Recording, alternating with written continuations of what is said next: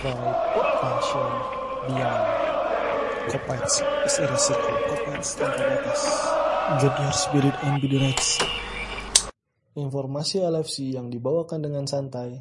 Inilah Bacot Kopites. Lapor komandan. Orderan masuk nih.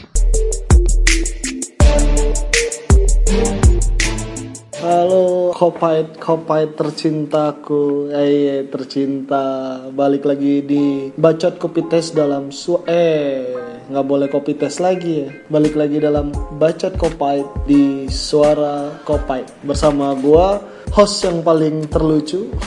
Apakah saya lucu? Bersama gua Azian. Hari ini gua terpaksa siaran sendiri nih soalnya uh, duet gua lagi lagi sibuk buat liburan. Nggak tahu tuh si Iki mau liburan ke mana katanya mau rehat dulu. Ya udahlah ya sendiri. Oh ya kalau pengen kalau pengen nemenin gua siapa pun itu wanita ya kayaknya sih wanita enak ya. Bisa lah gabung di sini di suara kopait ntar kontak-kontak aja gitu ya oke kali ini uh, gue pengen bahas tentang pembahasan topik setelah six time gitu jadi pengen ngangkat beberapa isu tentang pemain gitu uh, yang berhasil ngangkat LFC naik ke panggung Eropa dan menjadi juara Eh, da, di sini temanya dalam tribute to tribute. Ada ada enam laki, eh, anjing enam laki. Udah udah bosen gitu bahasa Indonesia gitu. Judulnya tuh enam laki di balik six time. Yes, kalau bahasa kerennya itu tuh uh, enam eh six six man behind six time. Wise. keren banget ya tapi ya enaknya kita coba bahasa Indonesia aja gitu kayaknya seru gitu ya. jadi enam laki ini berhasil bawa LFC naik ke puncak Eropa tadi yang gue bilang back to back gitu final masuk final gitu dan untuk kedua kali masuk final bawa piala nih bawa piala kuping piala kuping piala UCL nih jadi naik ke puncak gitu naik naik ke puncak UCL kena karate sama Ramos. eh tadi tapi bisa dibuktikan dong dengan 2019 kemarin eh yang kemarin tanggal 1 kemarin berhasil bawa pulang ke Anfield hmm, piala kupingnya gitu. Enam orang ini diangkat bukan berarti yang lainnya itu enggak hero gitu nggak ikut jadi hero nya ya mereka tetap jadi hero cuman yang yang enam ini bagi bagi gua terutama cukup dominan gitu.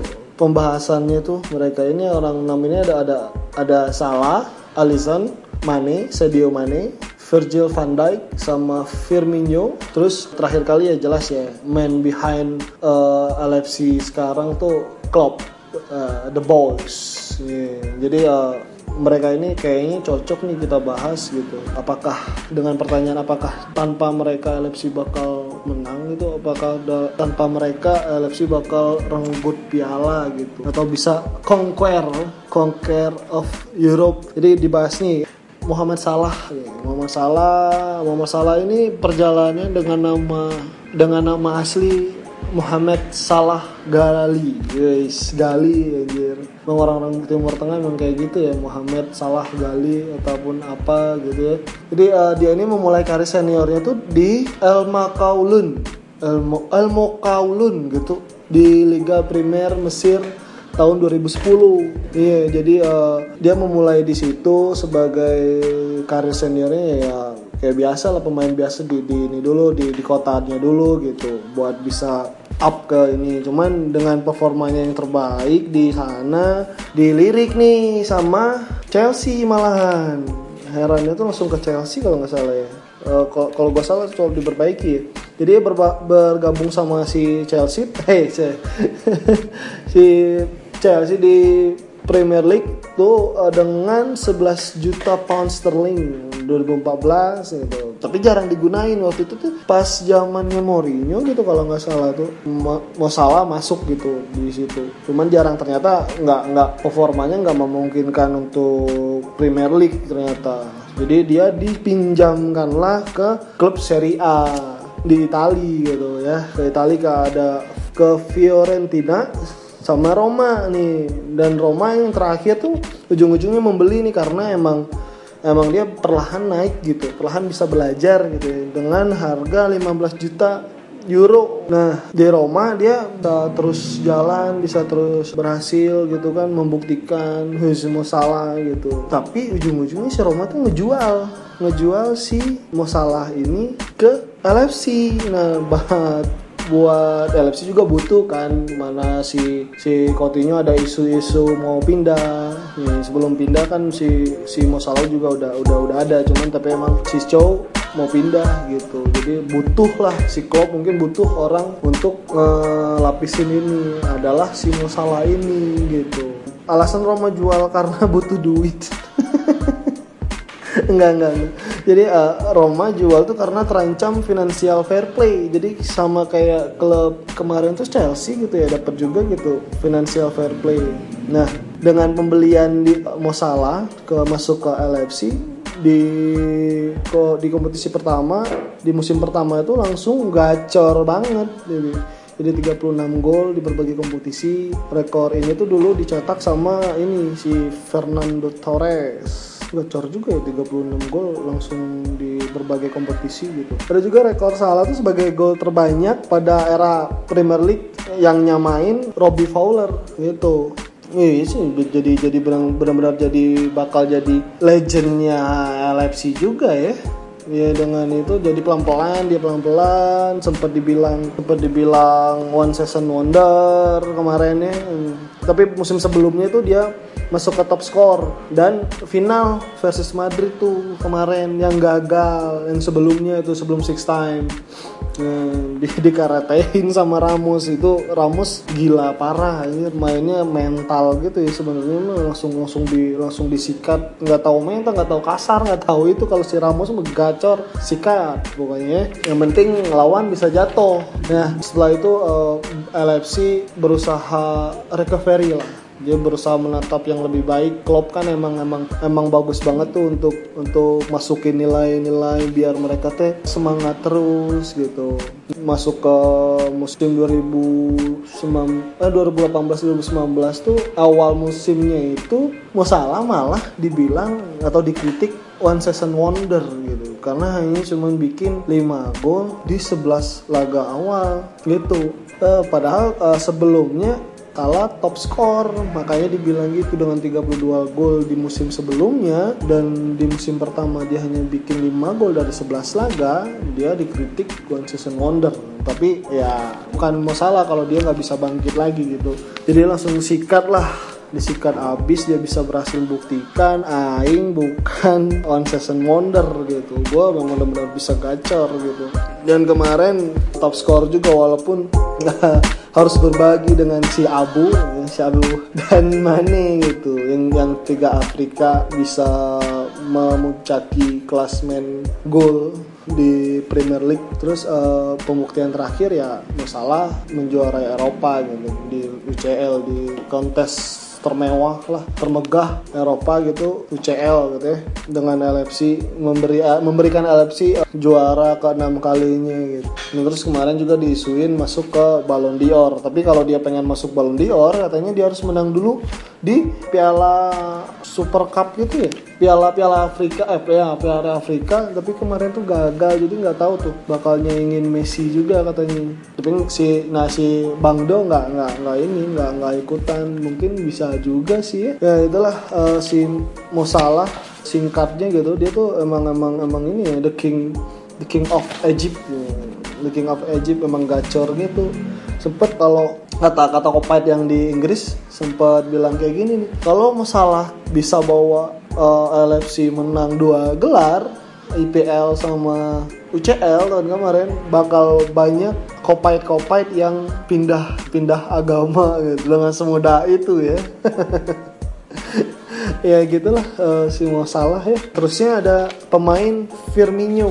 Firmino si si no look goal no look goal itu ikonik banget ya nolok gol dia tuh. Tapi emang emang emang pemain Brazil tuh emang banyak sekali bikin gaya-gaya maupun di selebrasi cara ngegol terus cara mereka bermain. Contohnya Ronaldinho kan memang memang kayak gitu emang se- sering bikin sesuatu gitu bikin sesuatu yang anjir gitu. Dan Jogo Bonito juga kan landasannya juga kan Dani Alves kayak gitu juga gitu. jadi uh, nama panjang si Firmino ini Roberto Firmino Barbosa de Oliveira.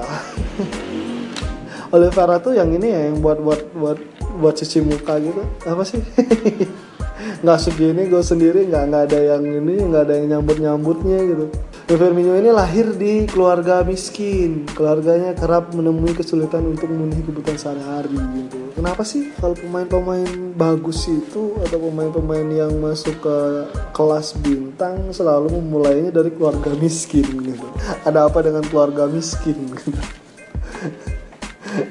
si Ronaldo juga kan Ronaldo Cristiano Ronaldo kan gitu juga. Si keluarganya nggak nggak terlalu kaya gitu miskin juga disebutnya. Apa daya juangnya edan gitu kan ada apa dengan keluarga miskin gitu? Apakah dia makan gorengan tiap hari? Hmm. jadi kak selain no selain mengalami kemiskinan jadi tempat tinggal Firmino dikelilingi berbagai kejahatan yang sangat berbahaya. Ya wajar lah Brazil ya. This is Brazil. So Adriano juga jadi mafia gitu ya. Nah, wajar-wajar aja sih sebenarnya kalau di di Brazil ya. Jadi uh, di tempatnya itu terdapat beberapa kelompok terkenal gitu, geng-geng-geng yang yang kejam lah. Dengan segala tindakan kriminal itu ada di sekitar rumah Firmino. Firmino ini di Figue Figue Figueirense sempat diplot jadi back hingga gelandang bertahan. Jadi dia tuh sempat uh, di back gitu ya. Jadi emang emang kalau pengen lu jadi pengen player profesional lo harus bisa nempatin berbagai ada beberapa posisi yang lo harus bisa lakuin gitu. Contohnya misalnya kayak si Firmino kan bisa di gelandang sama di gelandang bertahan sama di back gitu jadi punya pelatih itu bisa punya choice gitu. Kalau kalau di ranah ranah amatir ya. Tapi kalau di ranah si profesional uh, biasanya udah satu posisi. Tapi gue denger tuh kayak si Pique Pique itu sempat eh dia masuk ke Munyuk lah si Mang Ujang jadi striker pertama dari lama siang kan langsung ke MU jadi striker. Pas pas mau main malah jadi back gitu. Mungkin pas si Ferguson uh, gue butuh back nih siapa yang bisa main back ya? Gue gue gue gue gue gitu.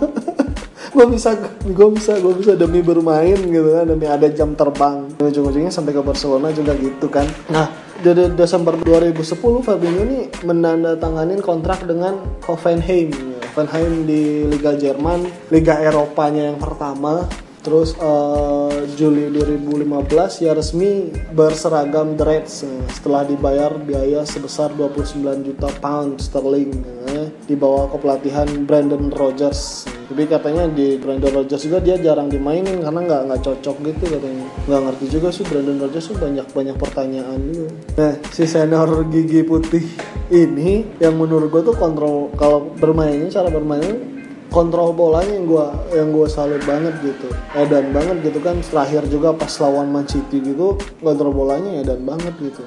Tapi emang eh, pemain Brazilnya emang kontrol bolanya edan edan nih. Terutama gelandang sama striker gitu. Kayak yang lengket gitu. Kalau kalau mau bola tuh lengket gitu. Ada lem kah di sepatunya? Atau sponsor sepatunya naruhin lem gitu buat mereka terus uh, dia tuh memang diplot biar pandai cari posisi kosong gitu buat membuka ruang biar salah ataupun Mane masuk. Dia sebenarnya dia tuh nggak nggak nggak di depan-depan banget. Jadi dia sering di belakang untuk ngecohin si apa kalau lo ngerti bola ada sepil di belakang tuh di back tuh ada sepil. Nah sepil ini biasanya ngejagain man to man sama orang depan striker dia itu buat narikin ke dalam biar si salah bisa masuk atau si Mane bisa masuk gitu. Si Firmino juga terkenal sama ikonik dari golnya terutama di si Naluk gol ya itu sangat sangat ikonik banget bagi kopait kopaitnya Hmm. Dan kemarin dia baru dapat Super Copa Amerika ya. Wah walaupun nggak jadi top skor, Firmino jadi nyeimbang lini depan sih. Emang emang dia tuh krusial juga. Walaupun sekarang sering dibarengin sama Divock, Lord Divock tapi dia juga emang ya emang emang vital banget kalau dia dia cedera juga kayak yang lemah gitu gitu tapi Klopp bisa kok Iya, berapa-berapa pemain kan sering cedera, si Klopp bisa itu ini gitu ya. Nah, yang yang ketiga ada Sadio Mane atau Super Mane. Hmm, jadi uh, kalau gue riset ya, riset kecil-kecil gitu kalau si Sadio Mane itu ternyata anak Imam Majid yang jadi bintang LFC gitu. anak Imam Majid kenapa gitu judulnya tuh harus anak Imam Majid jadi bintang LFC gitu. Jadi mengangkat ceritanya itu harus dari dasar baru jadi sesuatu yang besar gitu ya. Emang kayak gitu template-nya. Jadi dia tuh muslim yang taat. Ah berita-berita biasa di Indonesia ya. Ngangkat-ngangkatnya itu ya. Muslim yang taat yang jarang mandi. Kebayang nggak anjir? Kalau mani jarang mandi gitu ya gue gue takut rasis anjir. Gue juga dapetnya ini di di apa di tempo gitu tempo bola gitu. Jadi di Indonesia tuh Sadio Mane adalah muslim taat yang jarang mandi. Pas gue baca yang ngomongin jarang mandinya tuh nggak ada anjir. Naon cah itu Hmm, nah, Mane ini bahkan pernah memutuskan untuk putus sekolah sejak usia 15 tahun dan berkonsentrasi pada sepak bola setelah itu ya. Kalau gue mah, mah gue pengen putus sekolah, gue pengen lanjutin bola. Kamu, bapak sama eh, bapak sama ayah, ayah sama mama udah banting tulang buat buat kamu sekolah, kamu cuma milih milih sepak bola, mau jadi apa? Kamu jadi pemain bola tuh mama. Si keputusan Mane ini sempat ditentang sama orang tuanya wajar lah ya. Dia namun tekad Mane terlalu besar untuk dibendung. Ah, dongeng-dongeng kayak gini. Jadi ah, nah berbekal sepatu usang dan, dan baju yang sobek di be, di beberapa bagian nih. Mana awalnya banyak mendapat celaan. Gak tahu emang dia mainnya jelek atau gimana ya. Nah, namun kemudian menarik nih minat pemandu bakat dari Akademi Generation Foot yang memiliki hubungan dengan klub Prancis FC Match si Mane dikasih tempat berlatih dan tempat tinggal jadi Mane nggak perlu bolak balik lagi gitu ke rumahnya dia sempet dua musim main di Red Bull Sal Salzburg gitu. Nih Mane berhasil membawa klubnya menjuarai Liga Austria dan merebut tiket kualifikasi Liga Champion. Di, jadi si Red Bull Salzburg tuh di dibawa sama Mane bisa ngerebut tiket kualifikasi nih. Tapi kayaknya nggak ini deh nggak nggak lolos juga sih. Oh soalnya si Mane nggak nggak ikut nggak ikut membela Salzburg di ajang kualifikasi itu karena Ronald Koeman Koeman memboyong ke Southampton. Jadi dia udah pindah dulu ke Southampton. Pas Salzburg menjalani kualifikasi itu mainnya udah ke Southampton masuk ke Premier League. Bermainlah dia di Premier League tuh. Main-main lagi-lagi si klub tuh gak pandai banget sih orang-orang tim-tim si klub tuh pandai banget ngelihat pemain-pemain yang cocok gitu. Jadi pada bursa transfer musim panas 2019 Mane akhirnya bergabung sama Liverpool yang yang diasuh oleh Jurgen Klopp gitu. Transfer transfer itu dengan senilai 34 juta pound jadi itu membuat dia menjadi pemain Afrika termahal di dunia. Hmm, itu 34 juta pound di, dibeliin gorengan mabok. Lu serumah anjing. Jadi uh, ah, gue suka sih kalau permainan si Mane ini kalau menurut gue emang emang akselerasinya bagus gitu butuh banget gitu. Terus stamina nya gila anjir dengan permainan si si Klopp yang tensinya naik turun terus posisinya si Mane itu ada di kiri kan dia sering ngejemput bola dari bawah gitu. Wah itu pasti capek banget sih. Terus uh, dia juga masuk sebagai ini ya mas gol terbanyak gitu ya. Tetap berba berbagi golden boot tadi sama si Abu Manyo sama Mo Salah. Ya nah, berhasil boyong ini sih. Kemarin gagal gagal di Piala Afrika juga gitu. Hmm, jadi gitulah si Mane si Mane si Superman gitu. Ya si Mane sih? Gue lihat kan emang, emang jangan sampai ini eh kemarin juga di di Suin masuk ke Madrid ya. Dibeli pengen banget si Zidane tuh punya Sadio Mane tapi kayaknya terkalahkan gitu. Pamornya sama Hazard.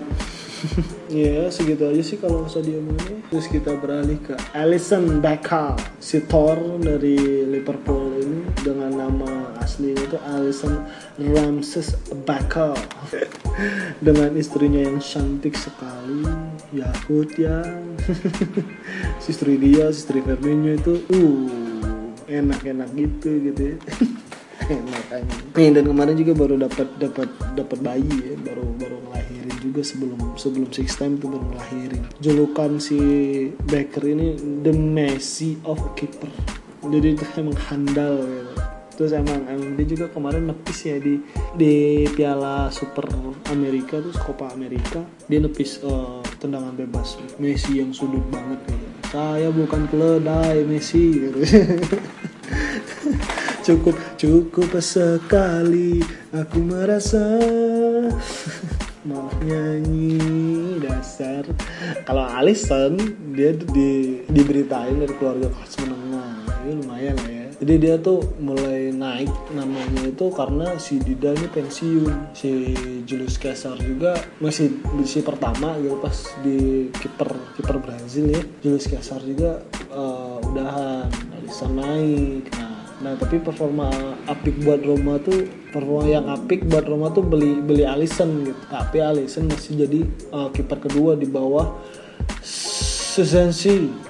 Uh, pokoknya lu apa kan uh, kiper kedua Arsenal gitu. Kiper pertamanya AS Roma kemarin gitu. Si siapa sih namanya? Susah banget ya kalau orang-orang kalau orang-orang arah Rusia gitu. Sis sini ya uh, nah pas si ses di Setasa jadi si kiper utama ini pas pindah ke Juve buat ngegantiin si Buffon yang pindah ke PSG barulah si Alisson naik jadi kiper gitu oh ya dia juga sempat ngalahin Barcelona ya di Roma ya. Pas Roma dia comeback comeback udah dibantai. Sama tuh kayak kemarin kayak LFC kemarin udah dibantai Barcelona.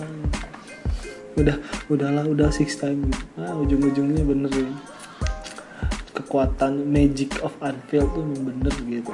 Ya namanya juga bola ya. Bola tuh nggak bisa lu tebak ketika lu emang ya dia menang bakal menang. Tapi kalau emang pemainnya bisa bisa terus naik ya begitulah apa sih jadi uh, nah si Alisson masuk ke AFC itu karena klub butuh kiper tangguh buat gantiin Karius ya. Karius yang di 2018, 2017, 18 itu di CL tuh ngalamin mimpi buruk lah di final CL.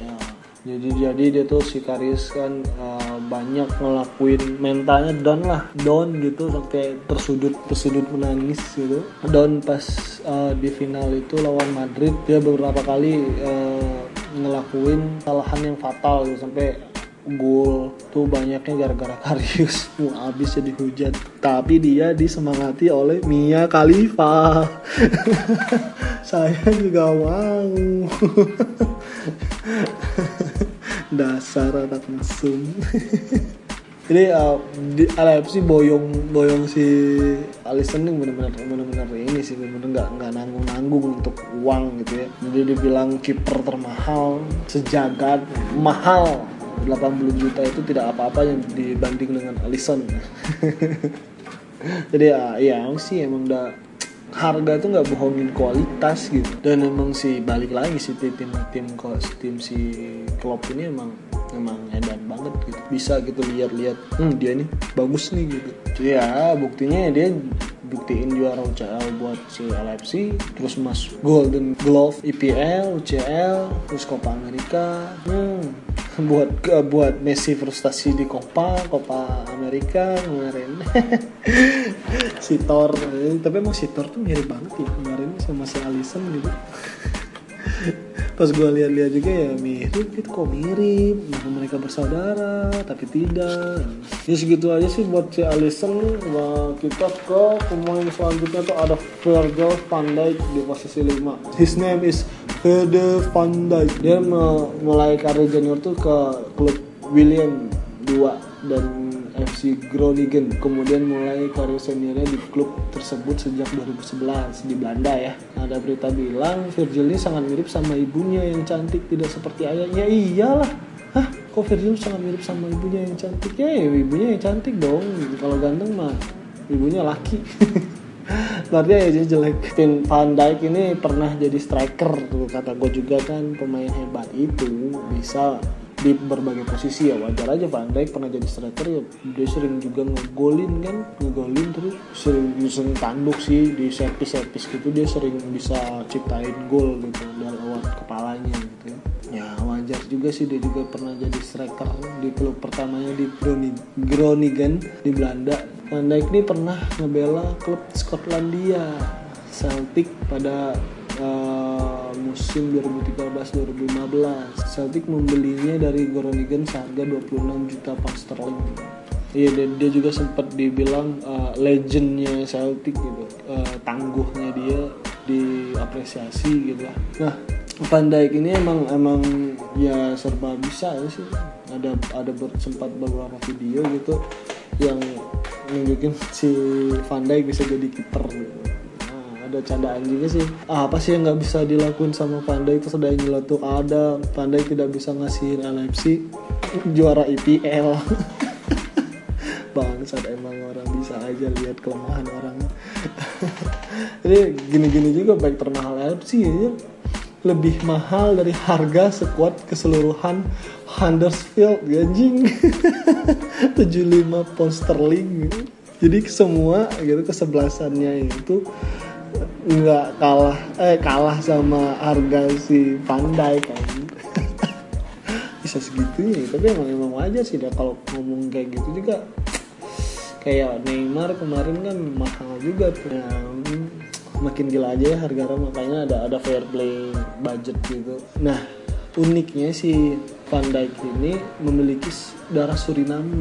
Suriname itu kalau lo, lo pada nggak tahu Suriname itu adalah sebuah pulau di Amerika sana. Hmm, ya kalau nggak salah di Amerika Selatan sana yang penduduknya itu banyak berdarah Jawa gitu Jawa Indonesia. Karena dulu tuh di di zaman koloni kolonial itu Suriname ini orang-orang Jawa yang ada di Indonesia di Hindia Belanda itu diangkut ke sana buat jadi pekerja.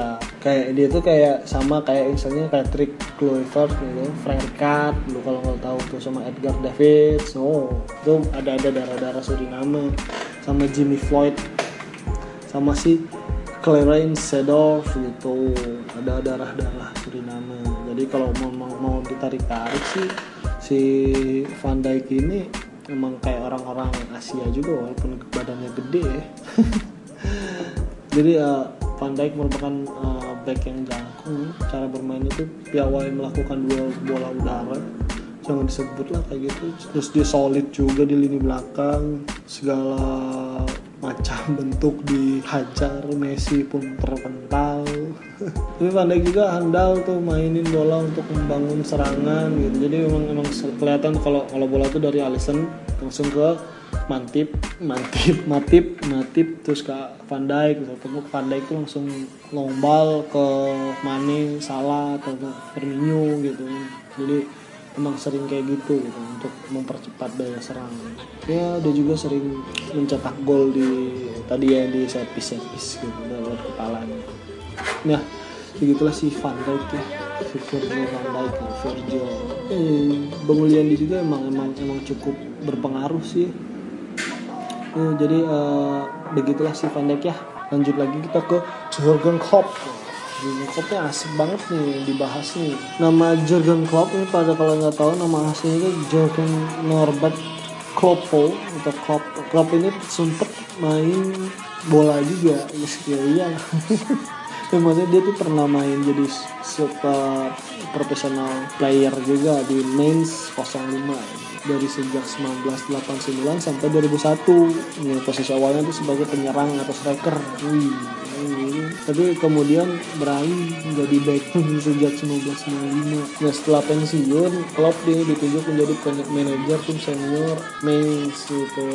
Jadi memang udah ada bibit-bibitnya gitu untuk mainin menanganin sebuah tim gitu ya. nah tertariklah si Borussia Dortmund ini pada Mei 2008 menawarin si Klopp untuk jadi pelatih ya akhirnya disetujui untuk kontrak selama 2 tahun. Ya lu juga tahu si Klopp ikonik banget sama si Dortmund kemarin-kemarin soalnya emang si Dortmundnya emang pas itu di berada di masa-masa suram gitu. Uh, Dortmund menjalani masa transisi ya gitu untuk meraih kejayaan tuh gitu gitu. Dan lewat si Klopp. Klopp tuh bisa bisa mengoptimasi Lewandowski sama tim-tim yang lain eh sama pemain-pemain yang lainnya gitu ya. Uh, mereka tuh berhasil Dortmund tuh berhasil melaju hingga babak perempat final Liga Champions Eropa. Nah pada 8 Oktober Liverpool ya nula krisis ya krisis 2015 Klopp resmi nih jadi pelatih LFC dengan kontrak 3 tahun. Klopp ini nih ikonik banget dengan uh, dengan gaya selebrasinya gitu. Selebrasinya yang ikonik gitu sempat yang eh eh dengan mengepalkan tangannya dia menojos ke udara terus para kopait-kopait dengan bahagianya bilang eh eh popo popo mimi mimi rasa sasa gitu kayak tukul anjir jadi uh, gara-gara dia sering semangat banget sama selebrasinya itu dia sempet ngerobekin ototnya sendiri gitu gara-gara selebrasi doang gitu ya. terus gue tuh paling suka klub itu itu sangat menjaga emosi gitu loh dia bisa ngangkatin emosi maksud emosi itu dia kayak yang dengan memeluk pemain tuh membuat pemain tuh lebih lebih merasa ada lah kayak gitu. Terus sampai ada kritik ah pelatih Liverpool mah cuma bisa meluk pemain pas kalah sama menang aja ya nggak bisa ngasih ngasih juara. Oh, buktinya ada six time. Ya dengan dengan keberhasilan itu juga kan nggak nggak lepas dari caci maki tadi ya. Contohnya itu ada ada gaya dan taktik klub tuh mengurus stamina nggak nggak berhasil lah di Inggris. Ya emang emang kayak gitu sih. Nah apa sih nama gaya ini? Lupa gue uh, strateginya itu memang emang memperkuat di stamina sama kontrol bola yang tidak lama. gitu jadi cepet aliran bola tuh cepet gitu. Kalau udah di ini kalau mau diangkat diangkat sekalian. Kalau mau dipasang pasang sekalian. Jangan terlalu lama gitu. Nah itu tuh memang harus menguras stamina. Hampir sama lah kayak uh, Barcelona gitu Tiki Taka cuman ini dropnya lebih lebih cepat gitu. Ada lagi tuh klub musim lalu tuh hancur bersama Dortmund gitu. Ah, tidak bagus-bagus amat lah. Karena di si klub ini dulunya juga hancur-hancuran sama Dortmund. Dortmund kan habis sebelum itu kan emang hancur pisan gitu jadi nggak bagus-bagus amat lah. Klub juga di dikritikin tuh ah dia cuma bergantung sama satu sama dua pemain aja gitu. Sama begitu Lewandowski cabut langsung jeblok gitu. Tapi buktinya kan sekarang selepas si Coutinho caw orang kan bilangnya kayak gitu gitu. Ah ya udahlah LFC bakal next year lagi gitu. Coutinho caw. Tapi si Klopp bisa buktiin dong ya nah lo harus tahu sih lo pada yang pada yang ngomen-ngomen klub out klub out gitu lo nggak lihat sisi sininya gimana dia ngebangun Liverpool dari bawah eh bukan dari bawah juga dari hancurnya pelan-pelan gitu hancur lagi pelan-pelan ada satu dapat satu piala. Ya believe in club tuh emang cocok lah ya the boss. Dia pintar sih gua gua gue bisa julukin dia profesor lah. Nah, terus si kopait kopait ini mau mau kritik juga nggak masalah sih. Soalnya si Klopp ini dari datangnya juga emang asing gitu si si Klopp ini emang kelihatan asing karena sebelum sebelumnya itu manajer-manajer Liverpool itu yang serius gitu. Ini kalau emang bercanda itu cuman ah cuman gitu-gitu doang. Kalau si klub kan emang gacor juga gitu. Kemarin juga gosok-gosokin kepala si Pep. Ini gosok-gosok-gosok. Siapa tahu keluar jin gitu kan bisa berbagi strategi gitu. Ya karena ya si klub dikenal sama karakteristik yang humble gitu. Kelihatan banget suka bercanda gitu. Dikit-dikit tawa beda sama sebelumnya kan gitu. Nah, dengan gaya cengengesan ini dibilang gak cocok lah sama karakteristik pelatih yang LFC punya. Jadi dia dipandang sebelah mata gitu lah. Ah, yang dipandang-pandang sebelah mata gitu ya ujung-ujungnya bisa aja sih ya. Ya gue sih salut aja sih sama klub bisa ngangkatin Liverpool dari bawah sampai ke atas gini sampai bisa 97 poin kemarin walaupun nggak 97 poin nggak nggak bisa ngangkat si Liverpool jadi juara IPL mudah-mudahan di musim ini Liverpool bisa walaupun kemarin di Community Shield kalah lagi. Tapi emang padat sih eh, jadwal si Liverpool harus ada Community Shield terus mulai musim pertama sama Norwich ya Agustus Jumat Sabtu dari sini ya. Ya begitulah eh, si Klopp lah menurut gue dari dari enam orang ini nih eh, menurut lu pada enam orang ini kan ada Salah nih Salah, Firmino, Alisson, Sadio Mane, terus Virgil van Dijk sama si Klopp nih. Cocok gak sih dibilang hero nya six time gitu? Enam cowok yang di belakang keberhasilan Liverpool salah satunya ini cocok gak sih gitu? Terus kalau dipikir-pikir kalau emang enam ini tidak terkumpul dan tidak dibangun maksudnya lima lima pemain ini tidak dibangun oleh Klopp dan lima orang ini tidak percaya sama Klopp apakah bisa naiklah sebagai juara gitu kan? ya, kita patut apresiasi lah. Ya tunjukkan apresiasi lu di di sini itu bersama Cirto ya. Ntar kalau emang masuk di Twitter ini komen aja gitu selesai aja gitu. Soalnya emang emang kita jarang bahas bahas si pemainnya ini seperti ini gitu. Cuman bahas ah gini-gini doang gitu. Ya ya udah sih. Segitu aja sih dari dari gua. Mungkin rada sepi ya karena si Iki-nya tidak ada. Tapi tetap stay tune ya. Dah ciao